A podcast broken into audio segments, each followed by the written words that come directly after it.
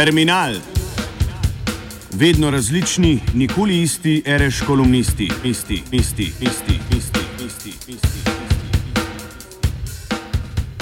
Živela resnica, živel Trump ali DT, fabula, narrator. Spoštovani, najprej opozorilo, ta prispevek je neplačana reklama.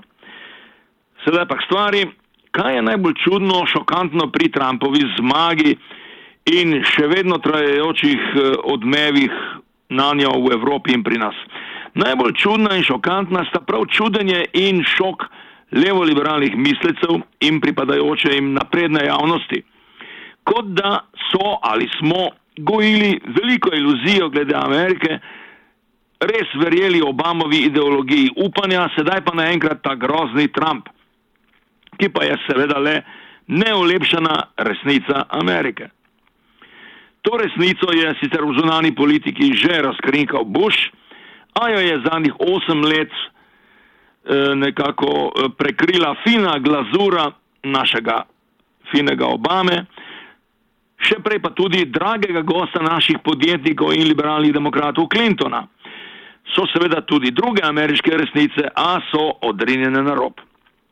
Sodeč po velikem delu prispevkov v populistični ediciji mladine, ki je pravkar išla in jo tu reklamiram, pa šok Trumpa ni imel univerzalno katarzičnega učinka. Veliki Alan Badiou recimo se zateka k uh, rasinu v literaturo in njegovi grozi globoke noči, govori o pošasti, o fašizmu, pa da ima vendarle raje Clintonovo in tako naprej. Veliki fran, italijanski Franco Berardi Bifo se celo znebi obrabljene fraze, da je, citiram, bistvo, da imajo vsi delavci na svetu enake interese. Če mislijo, da je barva kože pomembnejša, izgubijo vse, potem vse gredo vojno. Konec citata. In še pokroviteljsko doda, Jugoslovani bi to morali dobro vedeti. Ja, seveda, pa še kdo. In je več zanašanja na stare dobre anateme in jalove diagnoze, neoliberalizem, ksenofobizem, rasizem, nacionalizem in populizem čast izjemam ala Tomaž Masnjak, Alenka Zupančič, ki recimo postavlja ključno vprašanje, koliko si zares želimo korenite spremembe. Pa tudi Rizman in komaj še kdo sodi med te izjeme. No, kaj pa po mojem najbolj manjka v skoraj vseh analizah populizma, kar se seveda nanaša potem tudi ali pa odraža politično prakso Morda manjka prav vid o potrebi kontrapopulizma, levega populizma, torej učinkovite predstavitve alternativ delovnim ljudem in občankam, starim in novim. In ga še naprej ni videti. Je pa toliko več teoretsko-moralističnega zgražanja nad Trumpom, Lepenovo, Orbanom, kot da smo res spet v 30 letih prejšnjega stoletja, vendar pa brez ljudske fronte. To bi najbrž danes ozmerjali s populizmom saj je za mnoge naše analitike in analitičarke recimo že patriotizem, nacionalizem. Pa tudi ona Occupy New Yorkska floskula o zloglasnem enem procentu lasnikov, ki je vsega kriv, seveda je bolj slab levi populizem. Kaj ti v resnici je ljudstvu tujih, kot recimo eh, pravi uh, Masnak, vsaj še kakih 20% višjega srednjega sloja, v tujini in pri nas v službi elite, približno toliko nižjega srednjega sloja pa živi, kolikor toliko znosno, vse slabše, vendar nima prave politične reference, ki bi alternativo tudi razumljivo, torej populistično izgovarjala, artikulirala. Imamo pa v naši populistični publikaciji, pa tudi sicer še dosti teoretiziranja na liniji identitetne pravovirnosti. Vse veste, prava stvar so predvsem manjšinske pravice vseh vrst, a ne. No, ta uh, politika je med drugim tudi pokopala Clintonovo, a je ostajajo posebej avtorice še kar zveste.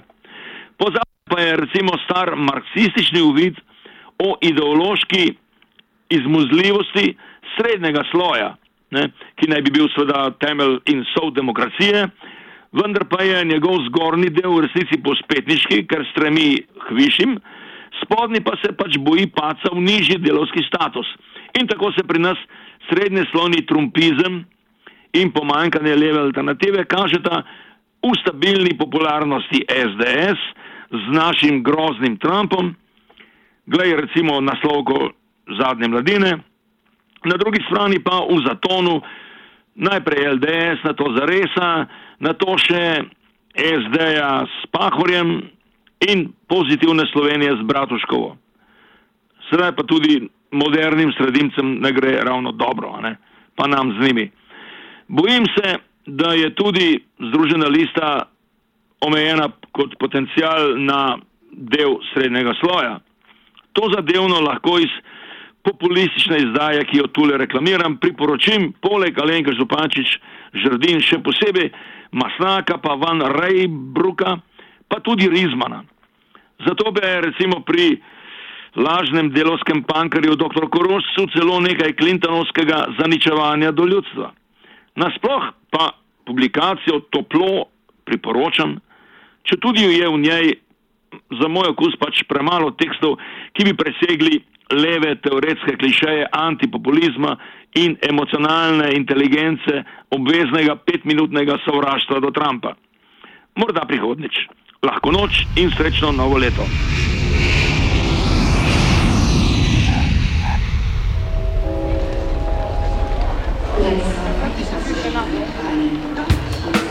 Terminal. Vedno različni, nikoli isti, reš kolumnisti, isti, isti, isti, isti, isti, isti, isti. Dejna. Ne.